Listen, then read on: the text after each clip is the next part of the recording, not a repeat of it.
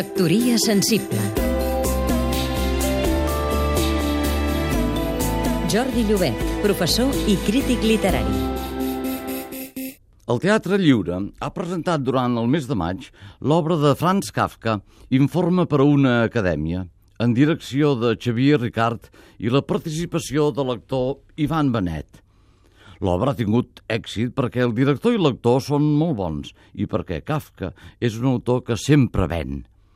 L'informe per a una acadèmia és solament un llarg monòleg d'un mico que ha esdevingut home perquè va ser capturat per una empresa anomenada Hagenbeck, que existia com a tal al temps de Kafka, a la selva africana.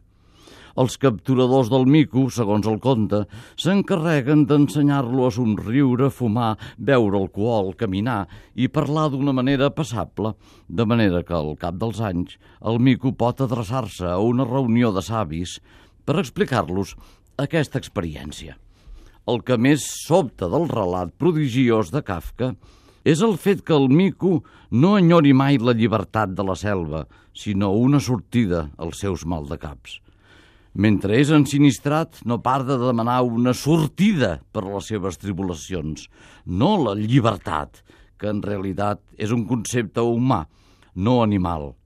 És com si Kafka ja hagués previst que al segle XX, i més encara als nostres dies, els homes només podem aspirar a trobar una sortida passadora als nostres problemes.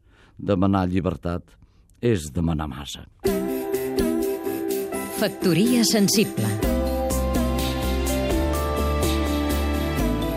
Seguim-nos també a catradio.cat